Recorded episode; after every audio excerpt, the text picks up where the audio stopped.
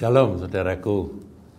Eh, pembacaan firman dan perenungan kita kali ini adalah tentang mendidik anak-anak. Kita tahu bahwa dalam sebuah keluarga ketika Tuhan mengaruniakan anak-anak itu adalah kesukaan, itu adalah berkat, tetapi sekaligus tanggung jawab.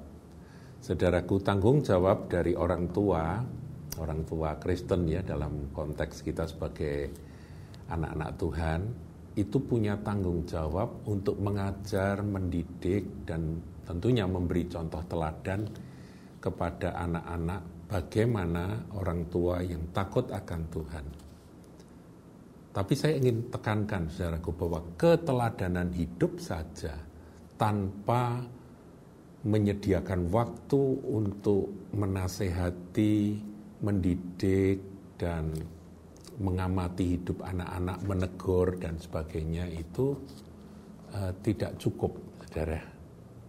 Jadi menjadi teladan ini nomor satu paling penting. Tetapi menasehati, memberitahu kalau kamu salah, ya salah, ini salah. Dan di masa kecil tentunya ada punishment and reward, tentunya dalam kasih ya, dalam dalam uh, nuansa kasih tetap ada. Karena itu yang akan membentuk karakter dari anak-anak yang Tuhan titipkan kepada keluarga-keluarga. Supaya mereka kelak boleh menjadi anak-anak Tuhan yang takut Tuhan, yang cinta Tuhan, cinta akan firman, taat pada firman. Itu tanggung jawab dari orang tua. Jadi bagi Bapak Ibu yang dikaruniai putra-putri, camkan akan apa yang akan kita pelajari pada hari ini. Saudaraku, Alkitab khususnya dalam perjanjian lama banyak menceritakan tentang tokoh-tokoh yang hebat, tokoh-tokoh yang diurapi, ya di mana Allah itu bekerja melalui manusia-manusia yang hebat ini. Namun demikian, Alkitab juga mencatat dengan jujur bahwa orang-orang hebat, orang-orang yang diurapi pada zamannya itu eh, ternyata juga punya titik lemah. Bukan saja keberhasilan yang dicatat, tetapi juga kegagalan-kegagalannya. Nah, kita kalau mempelajari kegagalan eh, dalam konteks eh, firman kali ini adalah kegagalan dalam mendidik anak, itu bukan berarti bahwa kita mau membenarkan diri. Ya, saudaraku ya. Jadi, lah itu wah tokoh iman yang hebat saja ternyata tidak berhasil mendidik anak dengan baik. Berarti kalau aku nggak berhasil juga dimaafkan dong. Bukan begitu maksudnya, saudara ya. Bukan untuk membenarkan diri, tapi itu adalah contoh-contoh bahwa meskipun hebat, tapi harus memperhatikan sisi lain. Kalau dia gagal dalam sisi mendidik dan membesarkan anak, ya kita pun jangan sampai mengikuti jejak kegagalan itu. Nah, saya khusus akan menyoroti seorang tokoh yang saya sangat kagum dalam perjanjian lama, yaitu Samuel. Saudara, Samuel itu kalau saya boleh katakan, dia adalah seorang hamba Tuhan yang luar biasa, dan nyaris tanpa cacat. Nyaris ya, jadi hampir tanpa cacat. Tapi anak-anaknya yang namanya Yoel dan Abia dikatakan oleh firman Tuhan bahwa mereka hidupnya tidak seperti bapaknya. Kok bisa saudaraku? Berarti ada yang kurang di dalam eh, kehebatan seorang Samuel ini ada kekurangannya, yaitu kurang mendidik anak, kurang di dalam mendidik anak. Dia jadi teladan yang baik. Anak melihat akan figur bapaknya yang ya tadi saya katakan hampir sempurna. Tetapi ternyata anaknya tidak otomatis jadi seperti bapaknya. Karena apa? Barangkali Samuel punya kekurangan. dia tidak mendidik anaknya itu sejak kecil dengan didikan yang benar. Makanya firman Tuhan ya khususnya dalam Amsal itu kan dikatakan didiklah anakmu pada masa kecilnya. Itu memang benar Saudara. Jadi kita ini uh, punya tanggung jawab. Nah, kita lihat ya, kita lihat. 1 Samuel 8 ayat 1. Setelah Samuel menjadi tua, diangkatnyalah anak-anaknya laki-laki menjadi hakim atas orang Israel. Nama anaknya yang sulung ialah Yoel. Dan nama anaknya yang kedua ialah Abia. Jadi ada dua anak laki-laki. Keduanya menjadi hakim di Bersheba. Jadi ya karena bapaknya adalah seorang hakim, maka anaknya juga punya melanjutkanlah pekerjaan dari bapaknya menjadi pemimpin dari bangsa yang pada waktu itu pada zaman hakim-hakim disebut menjadi hakim. Jadi menentukan mana yang benar, mana yang salah ketika terjadi perselisihan di antara umat Israel, mereka yang menghakimi. Ini kamu salah, kamu harus bayar sekian pada ini dan sebagainya. Jadi hakim, saudaraku. Ayat 3, ini menarik untuk dibaca. Tetapi anak-anaknya, anak-anak Samuel, anak-anaknya itu tidak hidup seperti ayahnya mereka mengejar laba mata duitan, saudaraku. Cinta uang.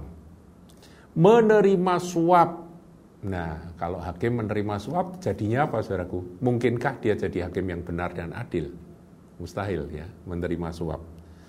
Dan ya ini akibatnya kalau terima suap. Memutarbalikkan keadilan. Saudara, sekali lagi saya ingin sampaikan tidak otomatis anak dari seorang eh, bapak hamba Tuhan, hamba Tuhan yang bapak bapaknya anak ini yang sangat hebat, luar biasa, orang benar, orang jujur, orang tulus, takut Tuhan, otomatis anaknya sama seperti bapak. Tidak. Harus ada pendidikan. Harus ada impartasi karakter melalui ya ayah ini harus fokus. Mungkin Samuel fokus dengan pekerjaan pelayanan sebagai hakim. Tapi anaknya besar tidak diberitahu mana yang benar, mana yang salah. Akhirnya seperti itu. Saya ingat saudaraku, hamba Tuhan yang luar biasa pada era era saya masih muda di Korea, saudaraku, namanya David Yonggicho. Itu luar biasa, saudaraku. Sehingga pernah terjadi di mana gereja Yowido Full Gospel Central Church itu diakui sebagai gereja dengan jemaat terbanyak. Ya pada masa saya ada di sana tahun berapa itu ya. Itu saya hadir ke sana itu kira-kira 100 100 atau 200 juta, uh, ribu jiwa ya. Dan pada waktu itu uh, David Yonggicho sedang menuju pada satu juta jiwa jemaatnya. Besar sekali saudara. Saya masuk gerejanya luar biasa tetapi kita dengar berita akhir-akhir ini ya. Bagaimana anak dari David Yonggicho ternyata tidak hidup sama seperti bapaknya. Anaknya uh, kawin cerai, ya, uh, hidupnya hidon, bergaul dengan artis-artis, kawin cerai, saudaraku. Kemudian dia juga memakai akan posisinya dia sebagai anak dari gembala sidang. Dia membentuk akan satu usaha cleaning service atau apa dan karena itu usaha besar itu uh, ada sahamnya dan dia menjual saham itu secara fraud, ya secara uh, curang dan sebagainya. Itu akhirnya anu masuk penjara anaknya. ya. Anaknya masuk penjara saudaraku. Karena curang itu tadi. Karena cinta uang. Sama seperti anaknya dari Samuel ini, anak Samuel ini, sama. Ngerti ya saudaraku ya? Tidak otomatis. Kenapa? Mungkin Samuel tidak pernah belajar bagaimana mendidik anak dengan benar. Dia tumbuh tanpa didikan bahkan tanpa contoh yang baik. Kita tahu bahwa Samuel sejak kecil dititipkan pada Imam Eli. Nah, Imam Eli ini, ini adalah seorang imam yang menjadi hakim pada waktu itu. Uh, tapi dia terlalu apa memanjakan anak-anaknya. Nah anak-anaknya itu Hofni Pinehas itu kan dursila saudaraku. Kacau balau, rusak anak-anaknya Imam Eli. Nah itulah contoh yang dilihat oleh Samuel kecil ini, dia bertumbuh. Kalau dia tidak tercemar itu karena memang ada urapan dan perlindungan Tuhan. Nah mungkin, ini ini analisa saya saudaraku ya, mungkin Samuel berpikir, aku besar-besar sendiri dengan contoh Kak Hofni dan Kak Pinehas yang yang jahatnya kayak gitu, yang tidak takut Tuhan, aku tetap takut Tuhan.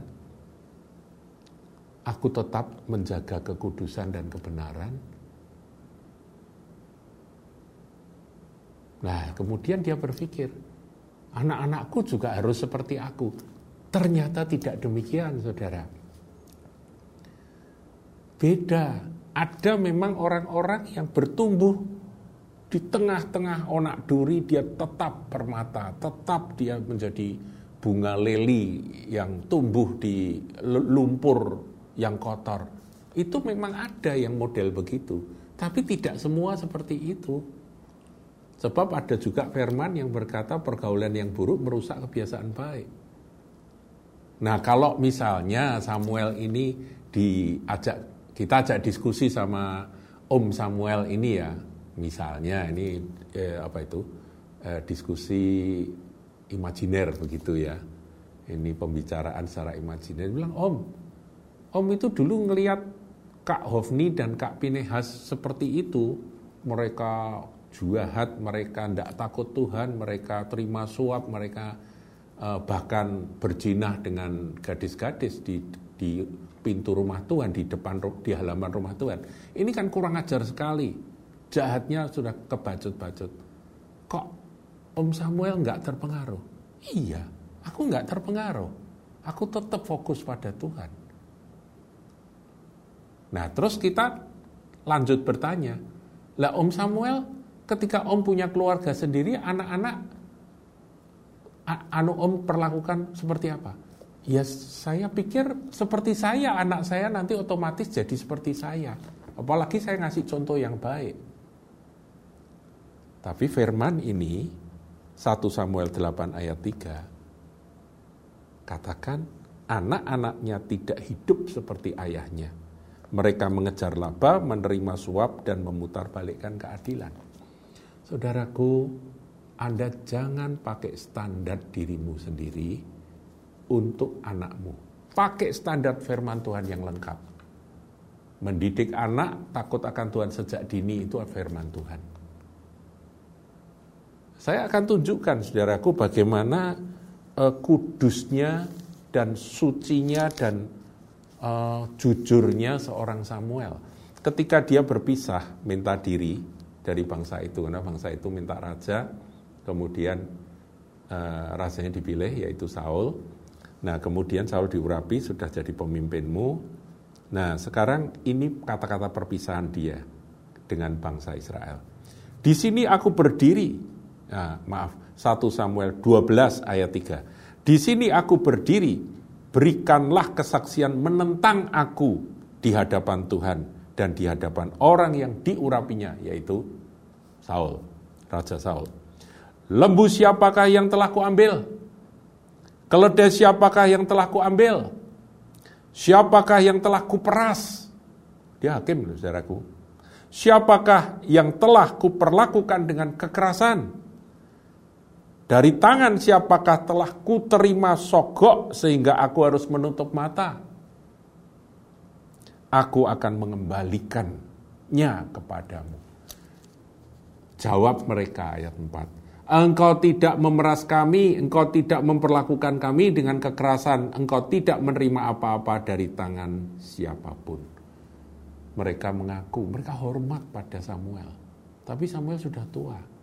Mereka mestinya kalau mau jujur ngomong, bukan Bapak, bukan Pak Samuel. Kalau Pak Samuel sudah nggak ada nggak ada duanya. Kami sangat hormat, kami sangat percaya. Bapak orang suci, Bapak orang benar, Bapak takut Tuhan. Menjadi teladan bagi bangsa ini. Tapi anak-anakmu tuh loh Pak, yang menjadi hakim di Beersheba, mereka terima sogok. Dua itu Yoel dan Abia itu terima sogok. Mereka memutar balik keadilan. Makanya kami nggak mau. Hakim berikutnya mereka itu kami nggak mau. Kami mau hakim yang uh, apa? Yang seperti engkau, tapi anakmu tidak seperti engkau lah. Sudah kami minta raja saja. Sebetulnya permintaan uh, bangsa Israel minta raja ini kalau direnungkan dari sisi ini juga mereka nggak 100% salah ya saudara ya. Tapi ya gimana lagi, itulah sejarah. Jadi sejarah ini dicatat itu untuk menegur kita, memberi pesan wanti-wanti kepada kita kalau kita dikaruniai putra putri itu tidak otomatis. Ada yang orang tua bilang gini, Aku tidak merokok, anakku pasti tidak merokok. Siapa bilang, saudara? Bapak nggak ngerokok, anaknya belajar merokok dari teman-temannya sampai kecanduan. Betul enggak? Ada tak yang seperti itu? Itu baru rokok. Aku nggak pakai narkoba. Anakku nggak mungkin pakai narkoba. Siapa bilang? Orang tua baik-baik anaknya masuk penjara gara-gara narkoba. Nggak kurang-kurang, saudara ya kan? Aku nggak pernah mencuri, anaknya jadi pencuri. Aku nggak pernah korupsi, anaknya jadi koruptor. Karena apa, saudaraku? Contoh saja tidak cukup, contoh sangat penting. Sebaliknya jangan sampai ya, aku ngerokok, kamu nggak boleh ngerokok ya itu ya nggak nggak lucu, saudaraku ya. Itu sebaliknya. Tapi juga sebaliknya udah Aku tidak merokok, otomatis anakku tidak merokok. Enggak begitu. Paham ya saudara ya? Jadi perenungan kita kali ini contoh kehidupan saja, teladan hidup saja tidak cukup. Saudara harus spend time, memakai waktu untuk berbicara dengan anak-anak. Ada kan satu quality, quality time dengan anak-anak, beri nasihat Jangan terlalu terlalu cerewet ya, anak-anak bisa bosan. Tapi mereka butuh nasihat. Butuh didikan. Nah, kalau masih kecil, saudaraku, juga dengan punishment and reward. ya. Kalau sudah dewasa tentunya beda. Demikian firman Tuhan. Tuhan Yesus berkati.